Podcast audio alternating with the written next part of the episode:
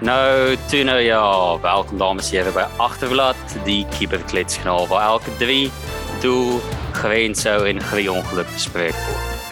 Ek is Hendrik Kubit, een van die mede-aanbieders van die program en vandag saam met my het ek Willem Rautenbach en Alton Du Plessis op Maandag 1 November. Stemdag vir ons Suid-Afrikaners en beslis die beste besluit wat u vandag gemaak het is om in te stem om na die nuwe stemme van sport te luister. Nou, manne, eerstens Hoe was julle week en naweek gewees? Goeiemôre manne, is altyd lekker om hier te wees. Naweek was baie lekker, dankie. Dis altyd lekker as jy 'n redelike impromptu lang naweek kry so half in die middel deur die jaar. So ja, baie lekker bietjie weggegaan, was bietjie by die see. Is altyd goed as die Proteas wen, is altyd goed as Arsenal wen. Dis 'n baie rare kombinasie dit albei van hulle op dieselfde naweek gebeur natuurlik. So ja, nee, dit gaan baie goed, dankie. Ja, vir vir my, al ek het kan opsom is Crystal Palace 2 Man City 0 op die Etihad. Uh so dit dit was nog al 'n hoogtepunt op die naweek gewees en ek het die ek het voorreg gehad om my boetie se cricket by Sax te gaan kyk en die groter voorreg gehad om te sien hoe hulle wen. Um wat meer rar is as 'n Proteas wen. Uh so dit was 'n goeie naweek gewees. Ja, kyk, ek moet sê dis amper ek vir die soos een keer elke skrikkeljaar by Proteas en Arsenal wen. Ek ek kan eintlik my oë glo nie. So was definitief 'n spesiale naweek gewees. So ons ons begin met die nuus van die blad af, grootste nuusgebeure van die week se sportweek. Ons begin dan nou eers by T20 Wêreldbeker waar soos ons sê die Proteas in die spasie van waar ons laas gepraat het, twee wenne in die kolom gekry het met 'n 8 balkie wen teen Wes-Indië opgevolg met 'n wen Saterdag met vier paaltjies teen Sri Lanka te danke aan 'n David Miller paar sesse in die laaste bowlbeer. Verder het dit wat uitgestaan het in die toernooi is een van die gunstelinge voor die toernooi begin het India se tans met geen wenne sover in die toernooi nie. Hulle het in Nieu-Seeland met 8 paaltjies verloor. Tans sit Namibia bo hulle in die ranglys.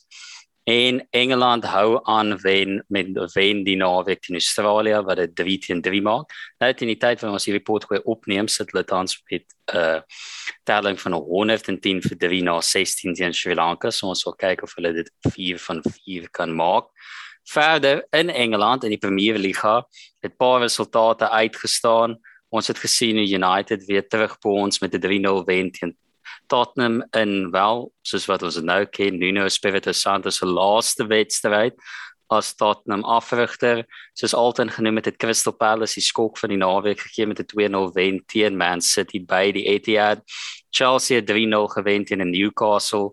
Wat lyk asof hulle op pad is om die grootste spenders in die championship gaan wees volgende seisoen en Liverpool is 2-2 gehou teen Brighton by Anfield met Arsenal wat die naweek afgeskop het met 'n 2-0 wen teen Leicester.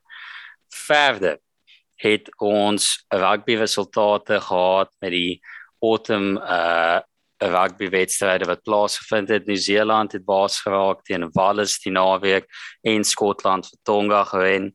Uh in Nieu-Seeland game staan spesiaal uit vir ons Suid-Afrikaners wat nou die komende naweek teen Wales gaan uitdraf. Nou, dit bring ons nou tot by 'n gesprekspunt hier in die loskram, die debatafdeling van die program waar ons die grootste uh kontroversiële onderwerpe en debatpunte van die week bespreek. Ons gaan dan nou terug na die T20 wêreldbeker soos ons genoem het. Die Proteas na die eerste wedstryd wat verloor teen Australië het uit twee in 'n ry.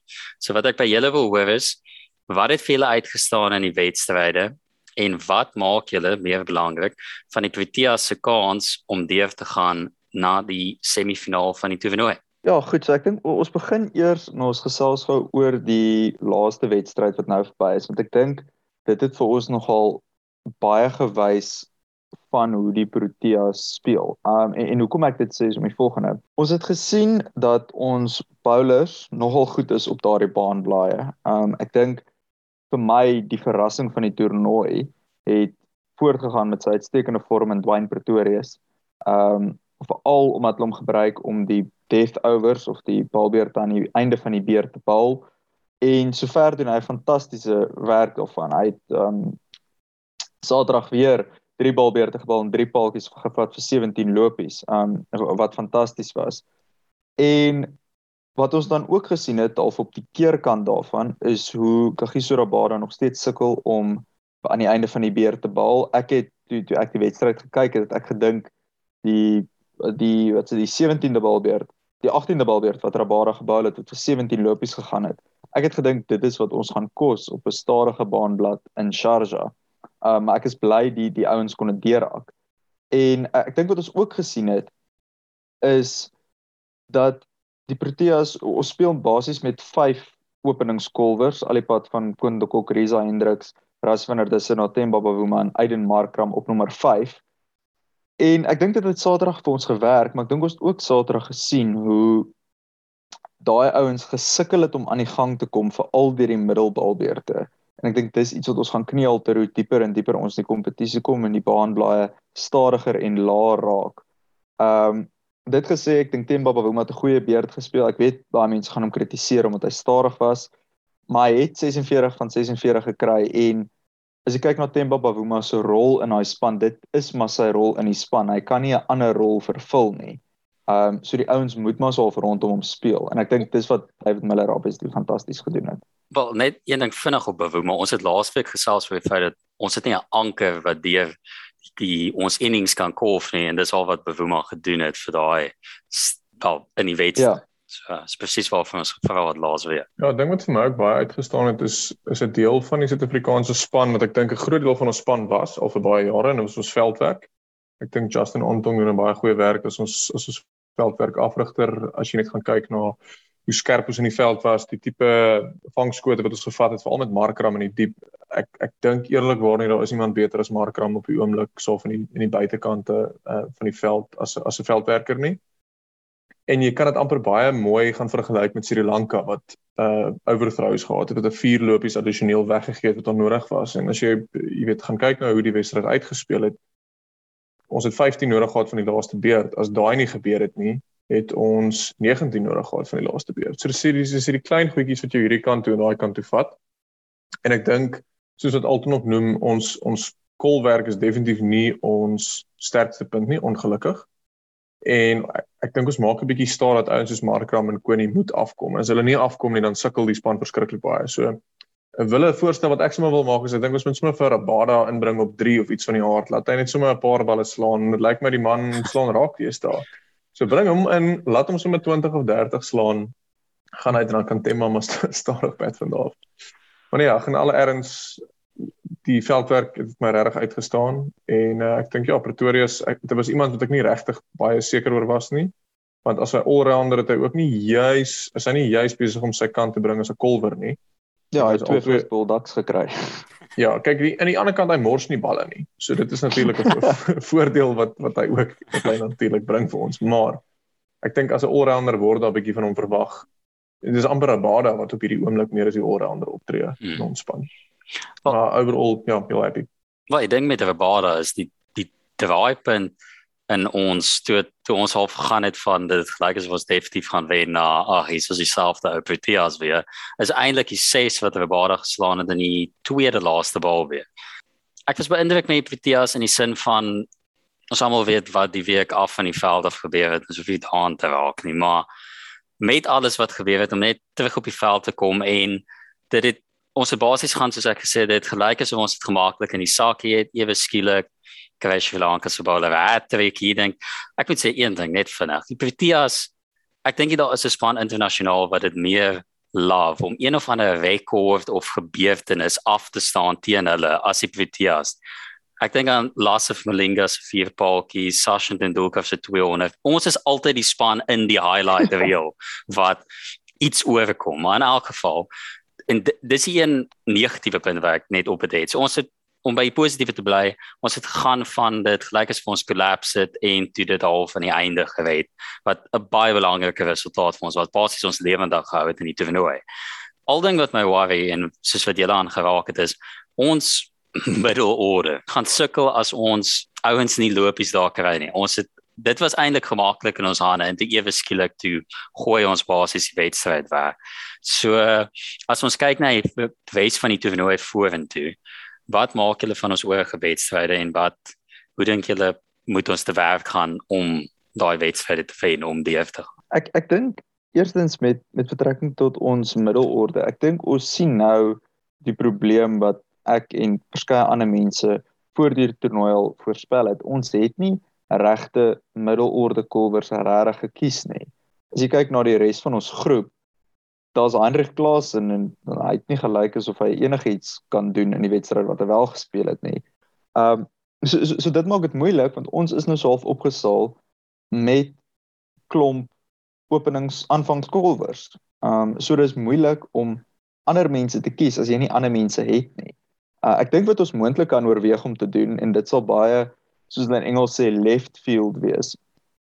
Is om iemand soos Dwayne Pretorius miskien op 3 te probeer instuur net om vir ons bietjie momentum in die um powerplay te gee. Hy het een keer bo 6 gebed vir die Proteas in 'n T20 wedstryd en toe hy 76 of iets van 33 balle gekry.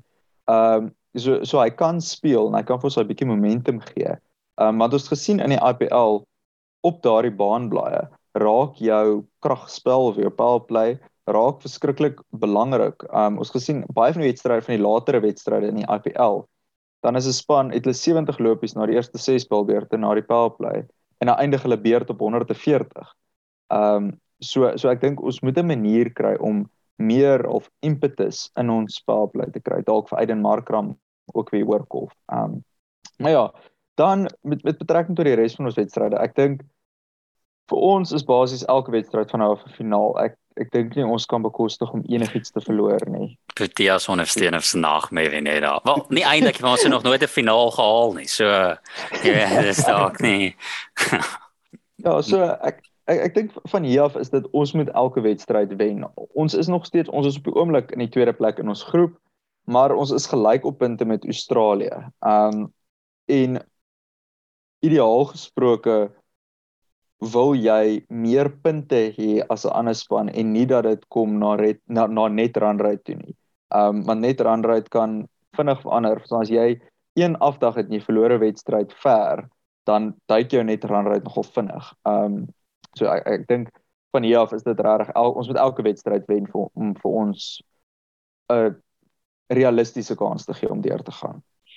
Ja, net net vir konteks om net 'n bietjie vir die luisteraars ook so te vertel wat ek wat ek amper wil sê die ehm um, die net randrate situasie is. So Engeland is op die oomblik op 'n positiewe net randrate van 3.9. Nou ons se tweede in ons groep. Ons het al 3 wedstryde gespeel, 2 gewen met 'n positiewe net randrate van 0.2.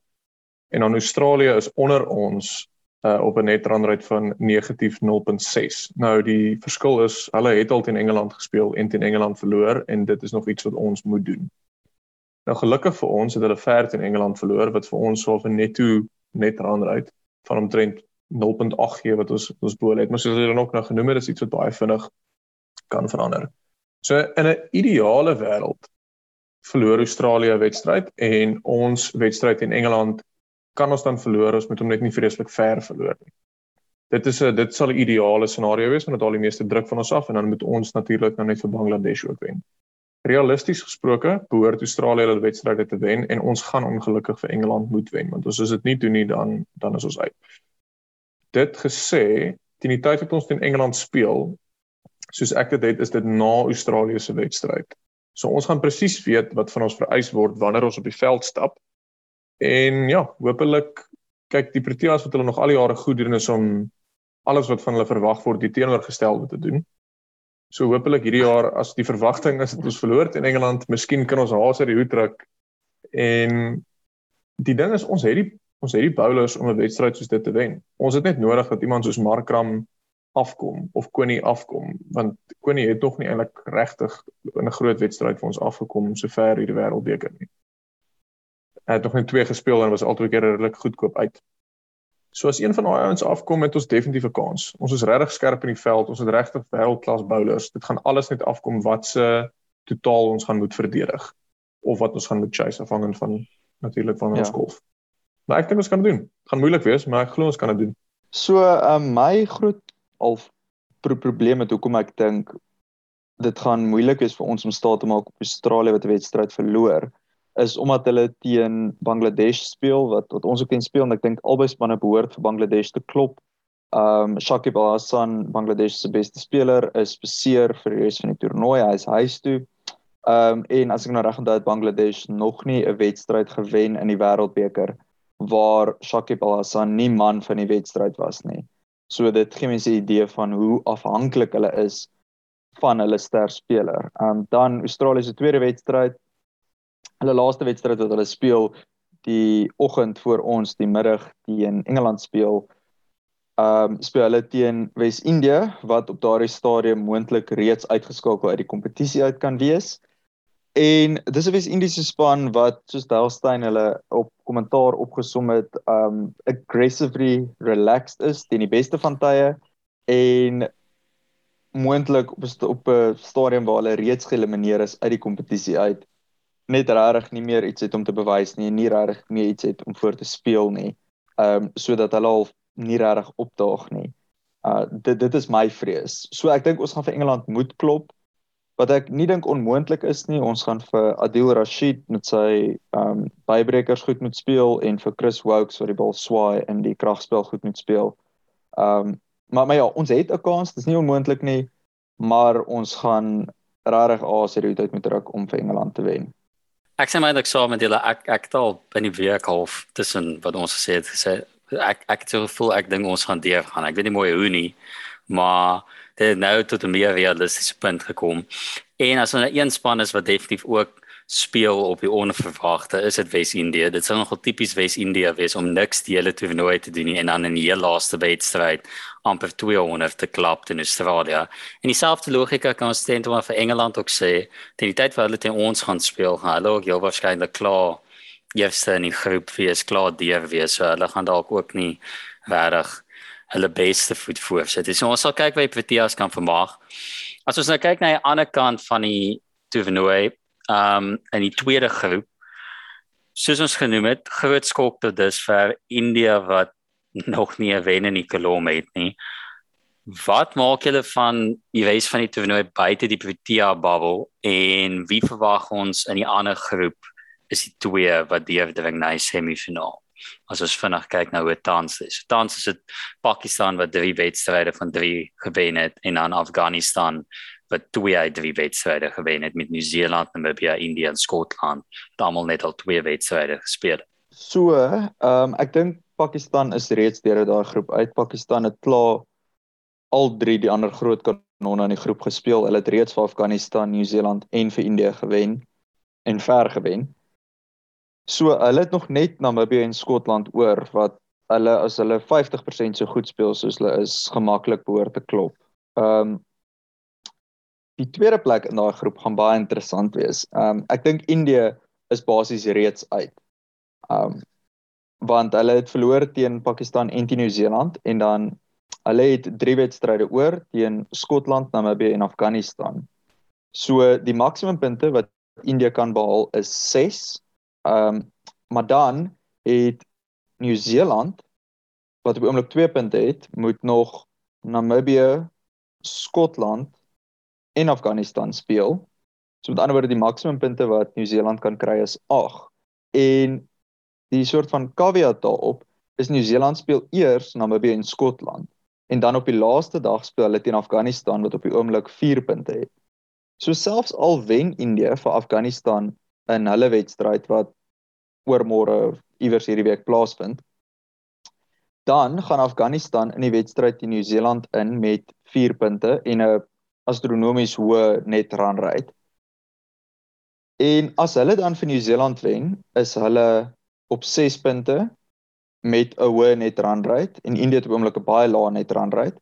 En as Nieu-Seeland wen, is Nieu-Seeland op 8 punte en deur. So met ander woorde in maak nie saak wat gebeur nie, is daar basies 'n minuskiele kans dat Indië kan deurgaan as hulle hulle wedstryde verskriklik ver wen en Afghanistan wen net net vir Nieu-Seeland wat nie een regtig verskriklik moontlik of of waarskynlik is nie.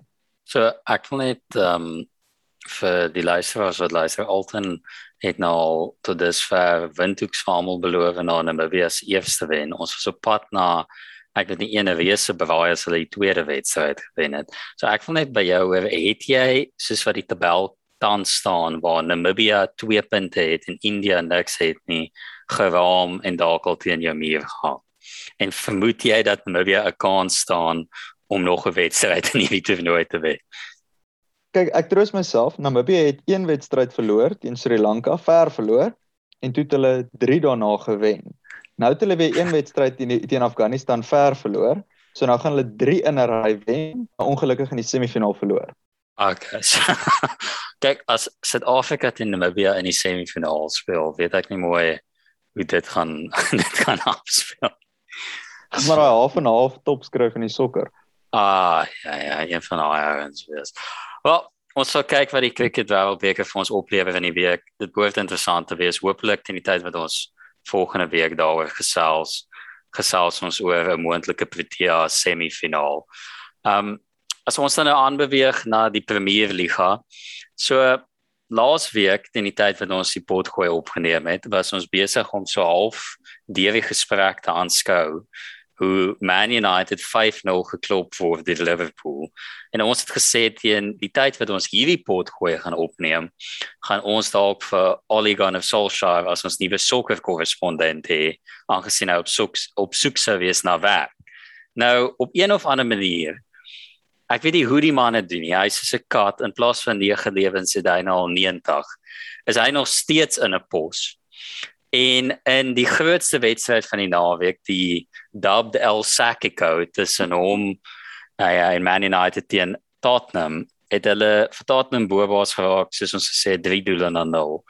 En vandag is Nuno Espirito Santo na 4 maande in die pos afgedank.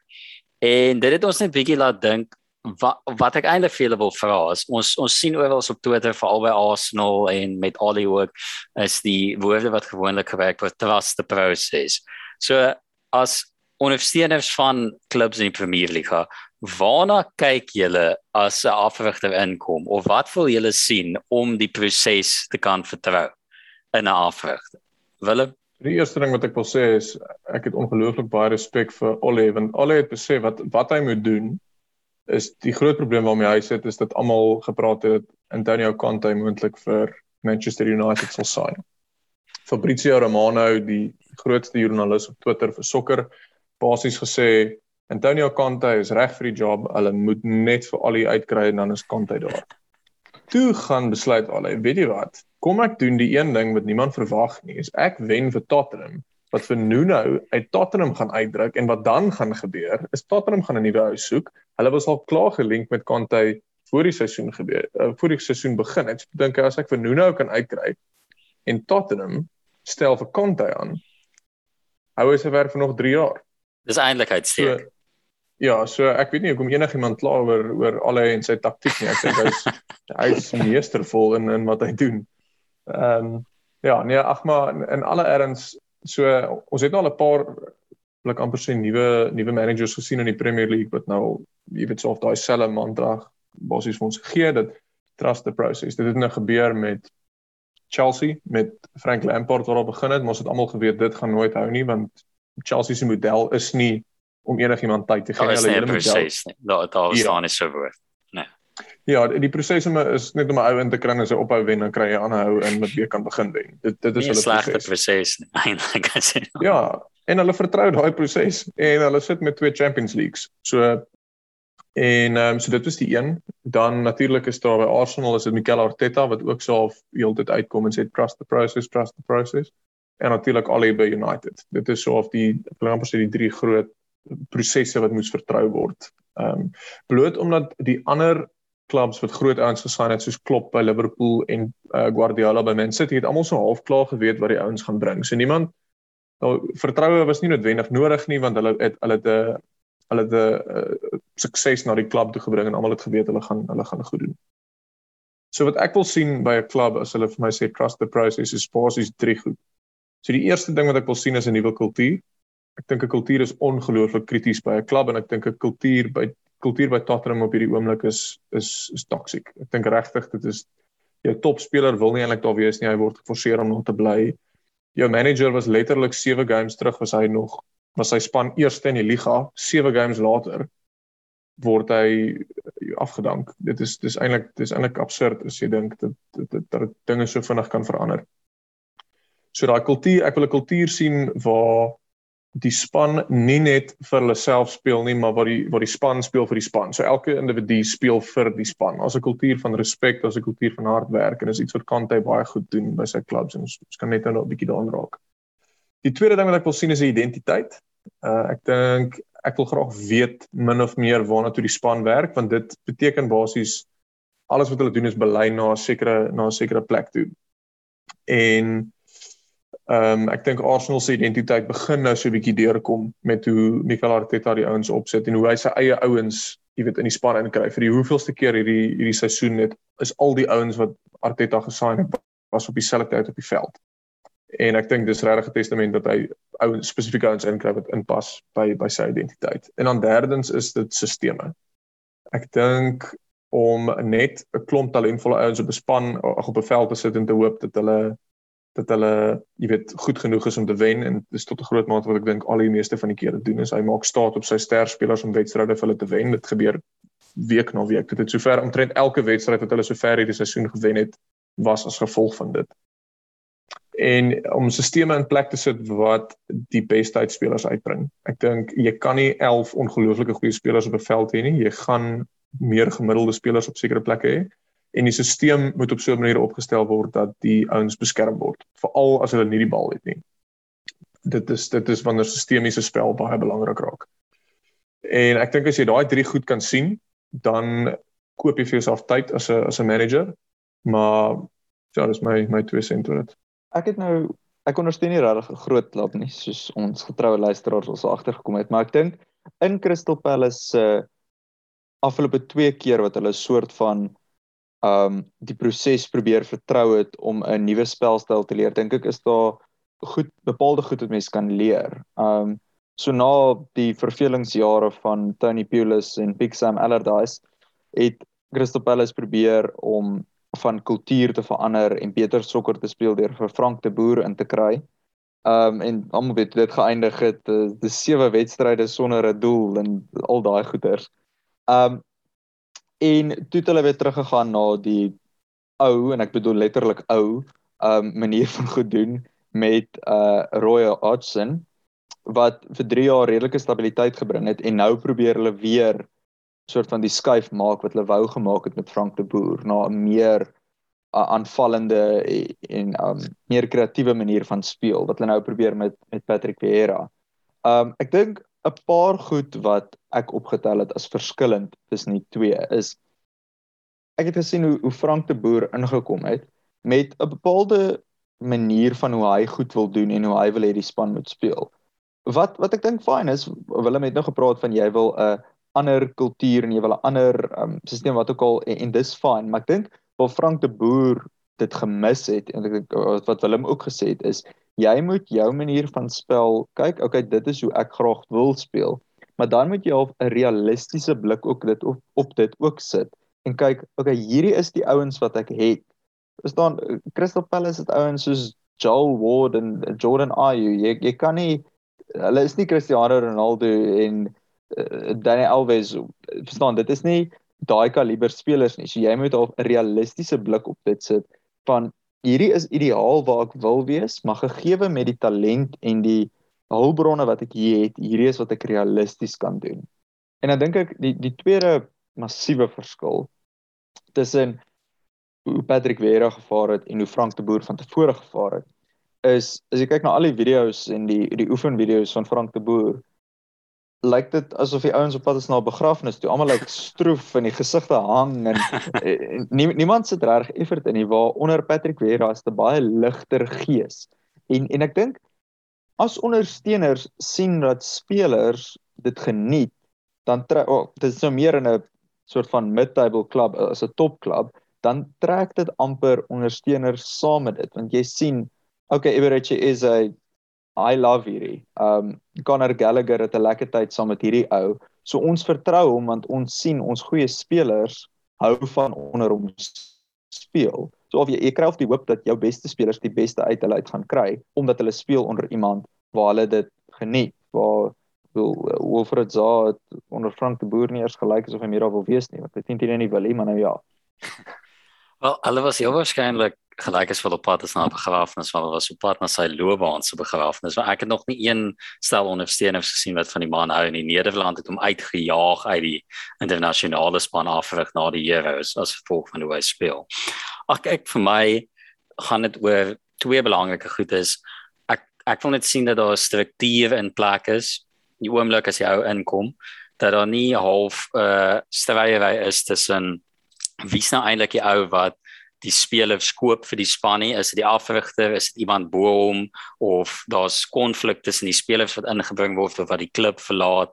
Al daai tipe goed. As daar 'n duidelike struktuur in plek is is nommer 1 en dan nommer 2 is soos waarna jy geraak het ook speelstyl. Jy moet net iets kan sien. Daar moet een of ander teken wees van wat doen ons. En dit was half die klagte gewees met as ek nou weer Arsenal as voorbeeld kan gebruik waar Arteta op tyd was dit was net pasie bal na links kras die bal in, hoop vir die beste en dit was basies die speelstyl. Nou as daar een of ander plan is en ek sê vir hom gee nou dat hy nog 'n kans gehad het om spelers in te bring wat pas by sy speelstyl, kan jy 'n duidelike verskil sien. So die ding is ook net met speelstyl soos wat jy aangeraak het altyd die derde ding, derde klein soos caveat by alles is aanpasbaarheid. En die probleem wat ons byvoorbeeld by Arsenal gehad in die later Wenger jare was uitstekende speelstyl, maar jy kan nie teen almal presies dieselfde speel. En dis dis die punt wat jy gemaak het by Palace ook. Dit gaan ook oor die talent wat jy. Jy gaan nie 'n uh, expansive aanvallende manier van sokker speel waar jy net twee verdedigers agter het as een van hulle Shakhtar Mustafi is. So dit daai werk ook. So uh, ek ek dink daai drie goed is vir my die belangrikste en soos jy gesê het tyd Willem. Die ding is Nuno ons almal weet met Tottenham hy was die agste keuse gewees ek dink in die lys van afrigters wat we genade het. En daai tyd begin jy al te wonder hoeveel kans jy eintlik gaan kry. So hulle het nou die skuif na Kante gemaak. Nou as mense sou dink waar hulle moet vertrou wat wat bring hy uit tafel? Ons weet hierdie man het nou al in Italië gewen hy het by in die Premier League met Chelsea gewen. Sy rekord sê dit, maar wat wat se verskil kan mense nou eintlik verwag tussen Espirito Santo en Conte wat dan? Nou so, Antonio Conte is na my mening definitief een van die beste managers daar buite. Ek is jaloers dat Tottenham hom kry. Nie my jaloesie is nie van so 'n aard dat ek noodwendig nou vir Arteta sal wil sack en dan vir Kante inbring nie, want ek dink Arteta is besig met iets en dit help ook nie jy stop die proses in die middel daarvan nie. Ek is wel dankbaar dat hy nie Manchester United toe gaan nie, want ek dink dit sou 'n krisis gewees het vir sy nagewees met daai span. Ja. Ja, want hy's 'n uitstekende afrigter en uh, by Tottenham ek dink die een ding wat 'n bietjie gaan knielter is die is die finansies. Ek dink hy het 'n baie spesifieke idee van speel en ek weet nie noodwendig of Daniel Levy vir hom die finansies gaan beskikbaar stel om om ouens soos dit te koop nie. Maar ek kan ek wil nou weer terug na die finansiële ding toe. Maar wat mens basies van Kante kan verwag is uit 'n baie baie spesifieke manier van speel. Jy kon dit al sien van sy Juventus daar toe in 2014 na begin het regdeur tot sy Chelsea daar tot by sy Inter Milan daar wat hy nou meer onlangs uh, waar hy nou meer onlangs gewerk het tot einde vorige seisoen.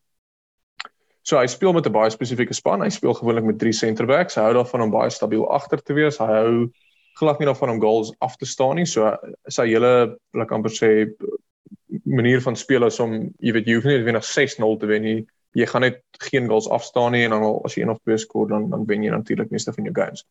So hy speel met drie center backs en dan speel hy met twee fullbacks of wat hulle noem wingbacks wat baie opstoot as mens terugdink aan sy Chelsea daar hoe hy uit te maak as Alonso ingebring, dit is dis presies hoe hy speel. Marcus Alonso kan nie funksioneer in 'n in 'n back four nie. Ek dink hy's hy's heeltemal te te demonief te aanvallend. Hy hy jy weet steek sy span bietjie in die rug amper as hy 'n back four speel.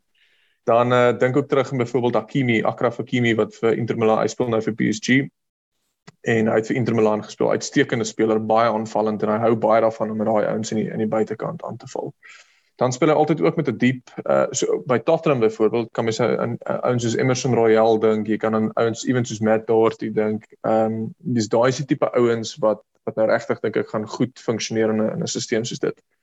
Dan speel hy ook met baie met 'n deep lying playmaker. Jy sit met 'n ou soos uh Pirlo wat hy mee gespeel het by Juventus, jy sit met 'n ou soos Jorginho wat by die Italiaanse nasionale span was. En jy sit met ouens soos wat hy met Fabregas gedoen het toe hy toe hy by toe hy by Chelsea was. Dis ou wat baie diep sit en basies die tempo van die hele wedstryd beheer vir hom. Sy Kante se hele speelstyl gaan oor beheer. Hy wil elke liewe faset van die wedstryd wil hy beheer. So dit is 'n baie belangrike ding wat hy ook doen. En dan het hy ook midfielders wat nooit op 'n hardloop nie en ouens wat wat baie bydra met goals elke jaar. Dink aan ouens soos uh, Vidal, dink aan ouens soos Claudio Marquisio. Dis almal ouens wat wat elke jaar baie bydra met goals. En dan speel hy ook met 'n uh, striking partnership. So wat hy met baie sukses gedoen het by Inter Milan is hy het met Lautaro Martinez en Romelu Lukaku saam gespeel voor amper 'n tipe van 'n uh soos Engelsman sou sê hulle het saam gedovetail.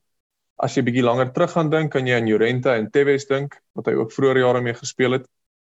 En jy weet hierdie is die manier hoe ek dink hy vir Son en Kane bymekaar sal bring en ek is regtig eintlik 'n bietjie skrikkerig oor daai oor daai twee ouens want as Kane jy begin lus raak om te speel en ek dink regtig Son is een van die beste, jy weet, wye spelers in in die wêreld op hierdie oomblik. Dink ek kan hulle nogal 'n gevaarlike kombinasie wees en definitief 'n opsie vir my in my fantasy span om een van hulle terug in te bring. Ehm um, en dan so dit is min of meer hoe hy sy span opset en die belangrikste ding amper vir my vir Kante is net hoe hy 'n kultuur bou van van wen. Hy soos die Engelsman sou sê, he doesn't suffer any fools. Daar's 'n klomp voorbeelde waar hy ouens letterlik ongeag van hoe goed hulle is uit die span uit geskop het. Hy het byvoorbeeld vir Mario Icardi by Inter Milan gepos na hy Inter Milan se topscorer was die vorige seisoen bloot omdat sy vrou wat ook sy agent is Wanda en daar's nou vir jou 'n drama tussen daai twee. Uh basies op op hierdie late night talk shows gegaan het en kritiek gelewer het oor hoe Inter Milan gespeel het en so aan en Kante het net gesê dit is sleg vir die span en hy het hom verkoop aan aan aan PSG. Ehm um, hy het ook dit met Raja Nainggolan gedoen wat 'n uh, 'n voorliefde het vir bietjie uitgaan in die aande. En dit is 'n jaar nadat hulle 38 miljoen betaal het om om hom te sign het. Hy het besluit hierdie ou pas nie in by die kultuur van die span wat ek bou nie en hy het hom gepos. So hy bou 'n span. Hy bou nie hy hou nie van individue wat dink hulle is beter as die span nie. Ehm um, as jy na al sy jare by Juventus gaan kyk, met al die jare wat hy gewen het, uh, in die in Serie A het hy nog nooit 'n uh, striker gehad wat die topscorer in die liga was nie. Ehm um, so alles gaan vir hom oor die span. Daar's daar's niks vir die individu nie. Ehm um, en uh, Chiellini uh, wat vir Italië speel en en vir Juventus speel het in sy in sy autobiografie geskryf, "Conte strength is the reset. It's creating a winning culture, a little war machine," soos hy dit noem.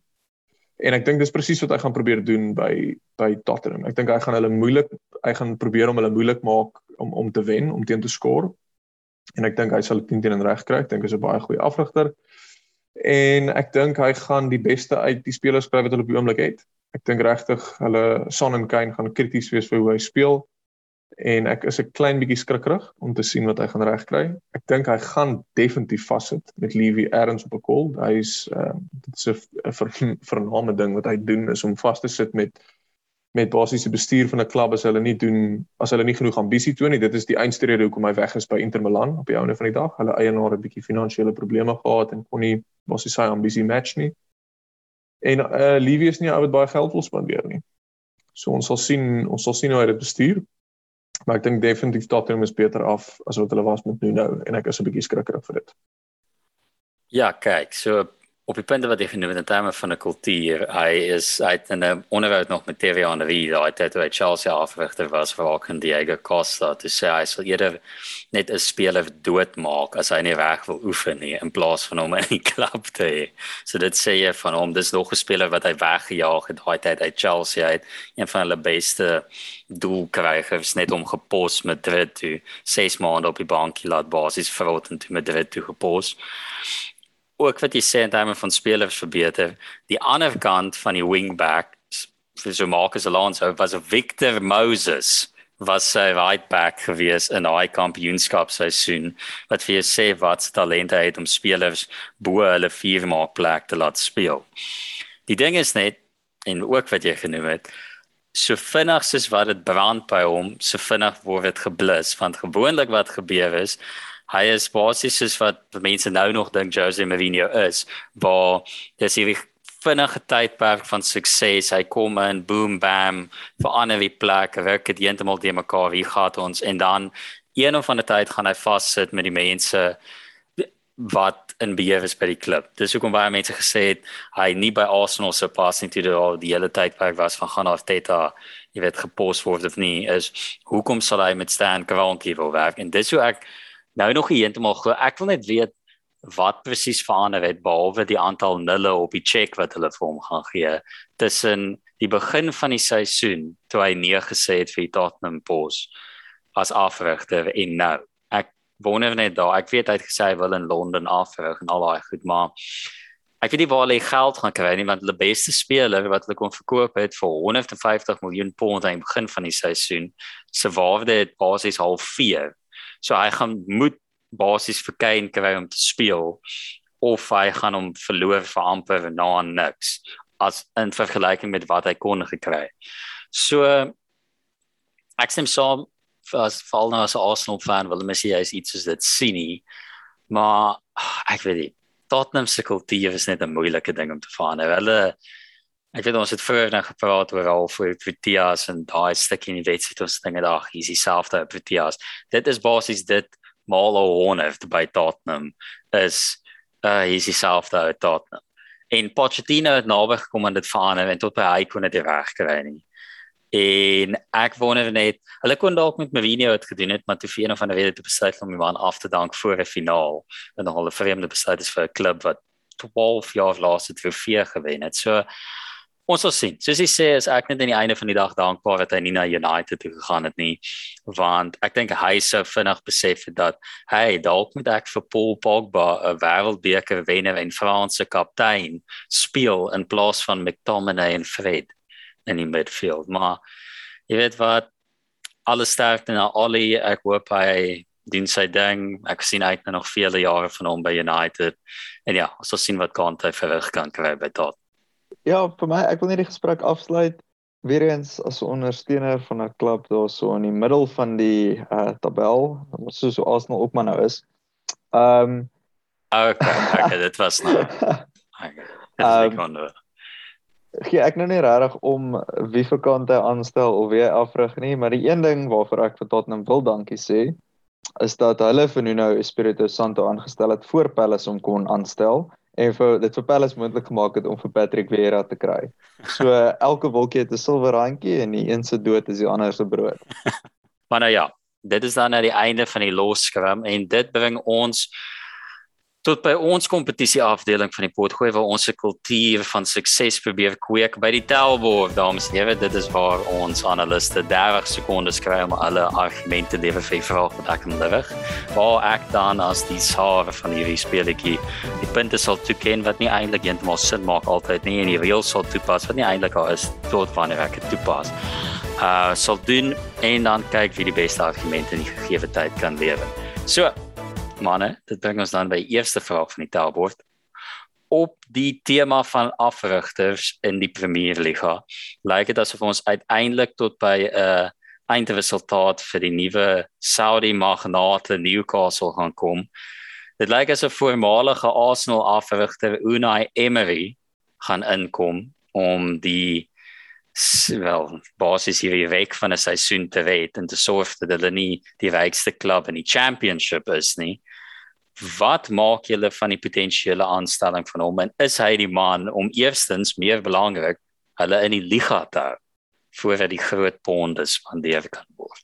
Ek dink nogal so. Ek dink grootendeels so omdat hulle definitief ambisie het om miskien oor 10 jaar iemand soos Guardiola aan te stel om die liga te wen, maar jy kan nie gaan van 'n span wat basies op die punt is om gerelegate te word na die championship tot 'n span wat volgende jaar die Premier League wen. Jy moet 'n tipe van 'n oorgangsfase periode en ek dink wat wat ehm um, Emery Groen is ek kry die beste uit spelers uit maak hulle moeilik om te wen en set hulle op in met 'n goeie verdedigingsstelsel en dis presies wat hulle nodig het om dalk op te bly. So ek dink dit is reg gevoel.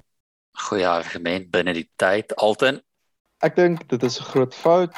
Ek dink as jy kyk na die manne wat jou ophou in die liga, is dit manne soos Tony Pulis en Sam Allardyce En dan as Tony Pulis vir Stoke met Rory Delap so lank ingooi kon vat na ek dink 7de in die in die Premier League toe, dan's dit die man wat jy soek. Dink vir Tony Pulis met 5 miljard pond. Daai man wen nie die Champions League, hy wen nie World Cup met die klub. Okay, so uh, kyk, aan die een deel sou ek sê in met daai logika is daar ou nou beskikbaar Steve Bruce wat nogal goed kan doen in so 'n scenario so dalk met Newcastle oog hou vir hom. Ek gaan die punte aan Alton gee bloot dat ek wil net ek sou graag vir Tony Pulis in sy full gold tracksuit wou sien langs die kant van die veld met daai Saudi cash uh met sy stylistic choices so ek sal dit gee om basies te sien hoe mense 5 biljoen pond spandeer om te kyk hoe mense nog steeds lang vrouens doen.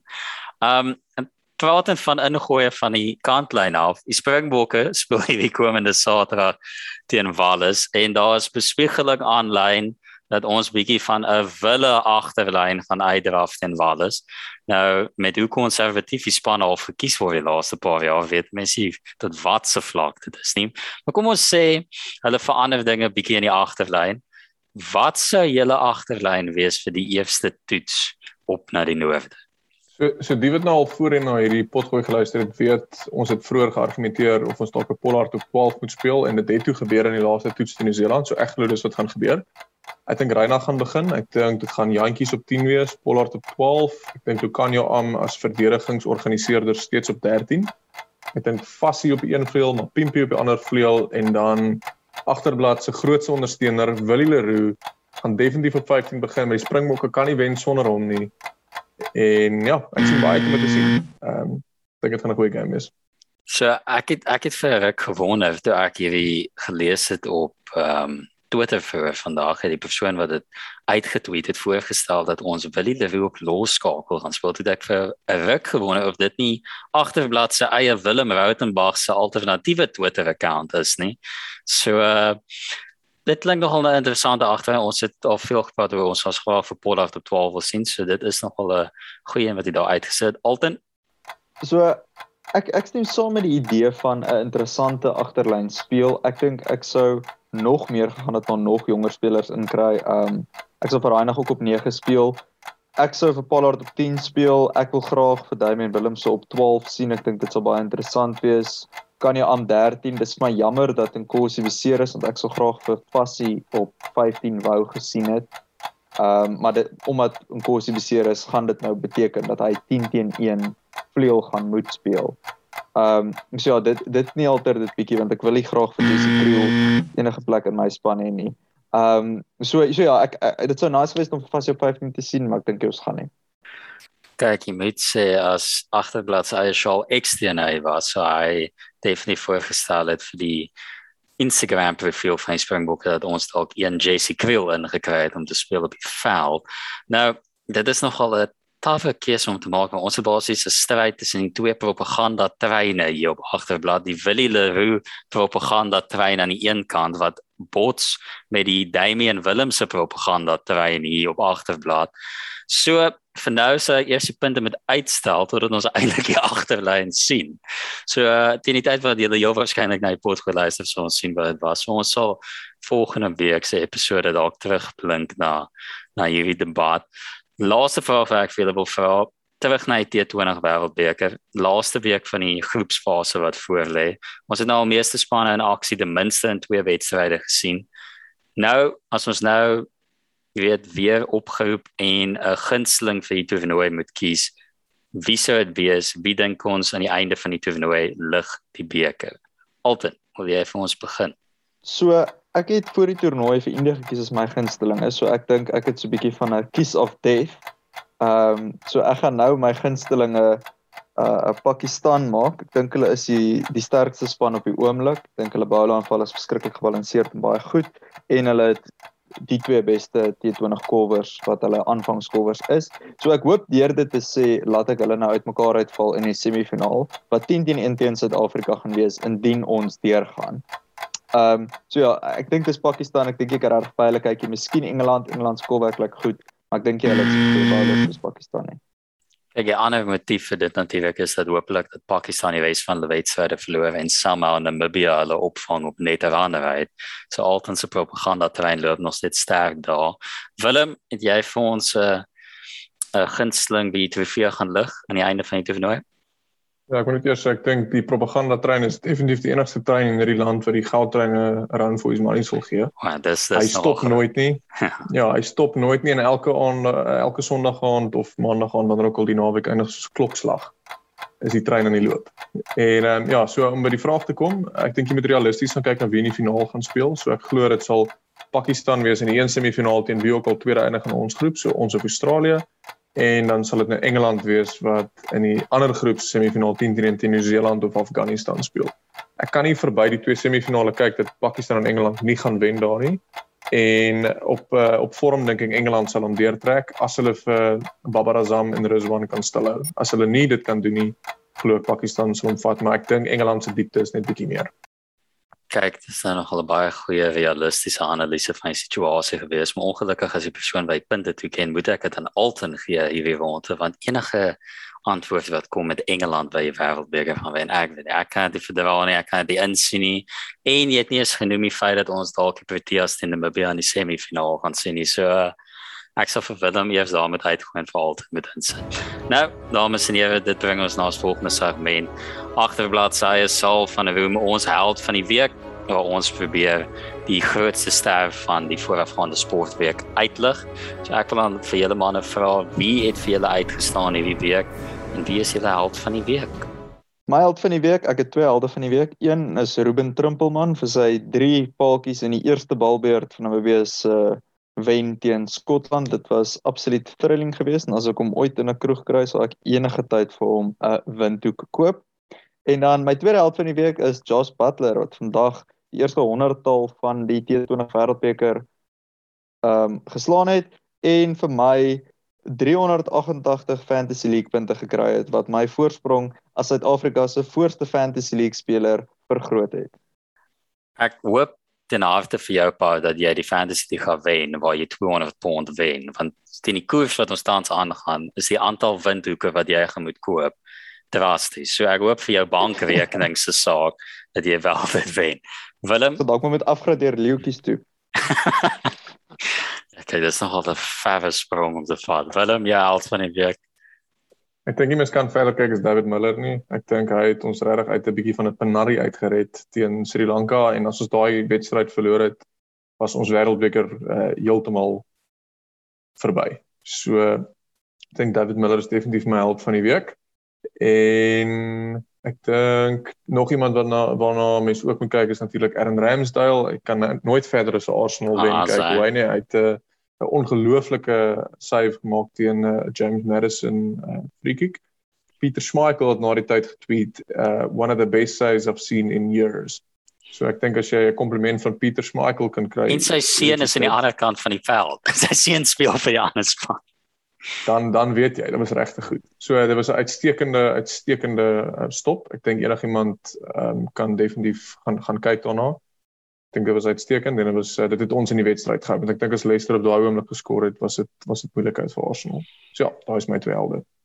Kyk, ehm um, as 'n volwaardige sportanalis sou ek ook Ramsdale dalk voorgestel het iemand soos hom, 'n Miller, i- iets ernstigs soos dit. Maar ek sal dan nou vir een van ons analiste wat nie vanaand kan wees, Charles XT Charles XT se kandidaat voor in dag bring en dit is YouTuber Daniel Jarvis of Javo69 op Twitter wat basies nou bekend geword het as die beste Ek kan my eintlik 'n streaker noem. Hy is basies net soos 'n soos die Engelsman sê 'n pitch invader. Hy is die man wat ook uh, in die klip van die India Engeland toets basies opgelaai het om uh, te begin bal totdat iemand agtergekom het hy dalk is daai hy ou lyk baie fiks genoeg om om hy te dra van die toets nie. En dit het ook in die naweek se wedstryd tussen Nieu-Seeland en Wales opgelaai langs die Nieu-Seelanders vir die volkslied. Um hulle kon dalk vir hom in plaas van Seberis gespeel het. Um dit sou dalk beter keuse gewees het. Maar ja, nee ek ek dink dis my held van die week vir die week. Um ons sal maar kyk waar hy volgende oppop. En dit dames en here is die eindvletjie wat blaas en dit bring ons na beseringstyd toe. En laaste vraag wat ek dan aan die res van die span wil vra is waarna moet ons uitsien in die week wat voorlê in die wêreld van sport? Alton. So cricket wêreldbeker natuurlik is nog aan die gang, maar ek dink wat baie mense gaan mis as hulle heeltyd kyk na Suid-Afrika se wedstryde So hulle gaan mis hoe Namibië drie wedstryde in 'n ry wen om tweede te eindig in hulle groep en dan teen Engeland in die semifinaal te staan kom en dan hopelik indien Suid-Afrika vir Pakistan kan wen sal ons dan vir die die die groot suidelike derby Namibië teen Suid-Afrika in die finaal sien oor 'n paar weke. Sien ek besef net ek het 'n fout begaan. Ek het eintlik anders sou. Ek het gesê Suid-Afrika en Namibië semifinaal. Nee nee nee, ons is op pad na Suid-Afrika en Namibië finaal. So dit is hopelik wat vir ons voor lê. Willem, Ja, ek dink jy kan nie regtig verder as die cricket wêreldbeker kyk nie, maar 'n uh, English Premiership rugby wedstryd waarna ek baie uitsien is Wasps en Harlequins. Hulle speel Sondag. So net 'n interessante storie oor hoekom ek uitsien aan daai en so Harlequins was oorspronklik deel van Wasps. Hulle toe eers langs die pad meer as 100 jaar gelede het 'n deel van die span te besluit hulle wil nie meer deel wees van Wasps nie. Hulle toe afgebreek as 'n aparte klub en hulle het toe om hulle naam te kies het hulle as 'n span gaan sit en deur die woordeboek gegaan by A begin en na elke liewe woord gaan kyk tot hulle 'n woord gekry het wat die hele span mee gelukkig was. En die eerste woord wat hulle toe gekry het wat almal mee gelukkig was was Harlequins. En dis waar alles hulle naam vandaan kom.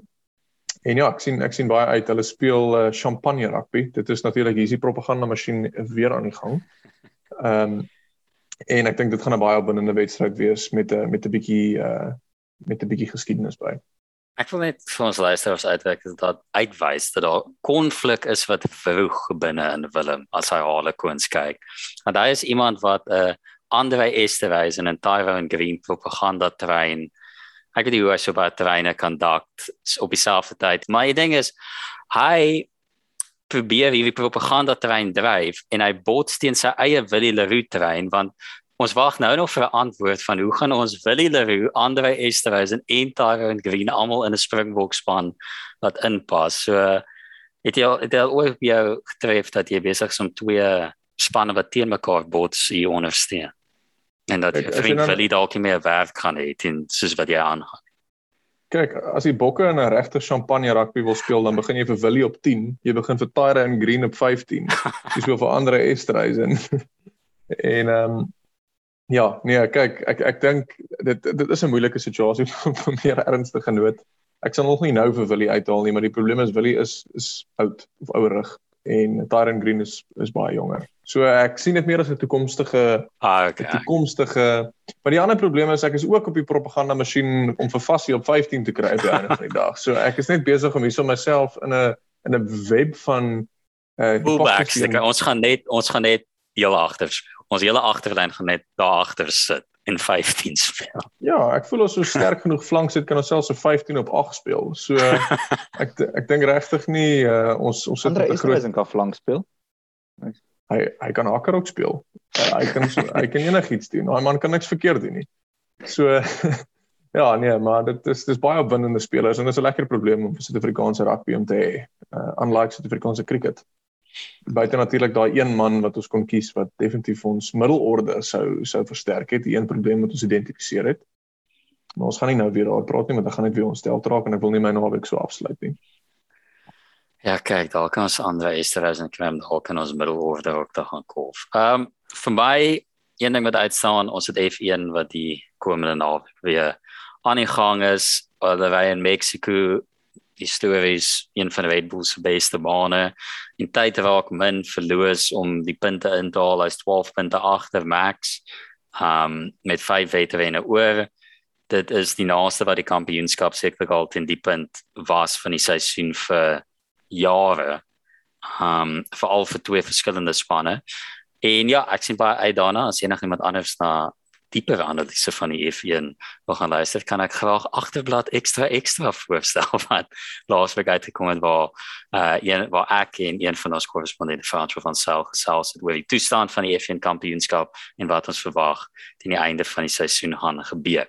En dit dames en here is dit. Uh, so baie dankie sê vir die vriende wat geluister het tot hier en wat agterblad geniet het. En dankie vir die span wat saam kom gesels het. En ja, tot volgende week. Totsiens.